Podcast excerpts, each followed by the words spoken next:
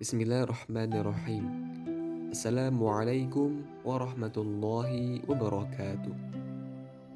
الحمد لله والصلاة والسلام على رسول الله ولا حول ولا قوة إلا بالله. أخوة الله رحمني رحمكم الله لمن pun saat إني berada. الله سبحانه وتعالى ta'ala berfirman dalam surah Az-Zumar ayat ke-14. أعوذ بالله من الشيطان الرجيم قل الله أعبد مخلصا له ديني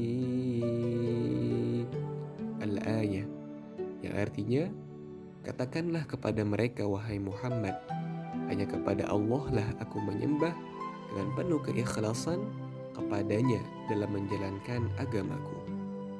Ikhwafillah dapat diambil pengertian bahwasanya dalam menjalankan urusan keagamaan harus ada garis pemisah yang tegas. Tidak boleh dicampur adukan antara mengesahkan Allah dengan persekutukannya. Antara yang diperintahkan oleh agama dan mana yang tidak diperintahkan. Dalam urusan akidah dan ibadah, tidak ada kata kompromi sedang dalam urusan dunia dan kemaslahatan boleh dipecahkan dengan ijtihad asal prinsipnya tidak bertentangan dengan ajaran agama Allah Subhanahu wa taala. Ya khafillah rahimani rahimakumullah. Rasulullah Shallallahu alaihi wasallam bersabda, Sesungguhnya Allah Azza wa Jalla tidak menerima amal perbuatan kecuali dilakukan dengan ikhlas dan mengharap ridhonya. Hadis riwayat Abu Daud dan Nasai.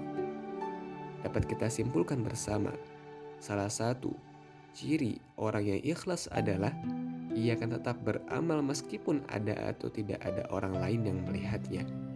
Dan ciri lainnya adalah tidak berharap terhadap makhluk karena yang mengharapkannya hanyalah penilaian dan keridhaan Allah Subhanahu wa taala.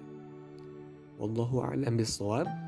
والله موافق إلى أقوام الطريق. السلام عليكم ورحمة الله وبركاته.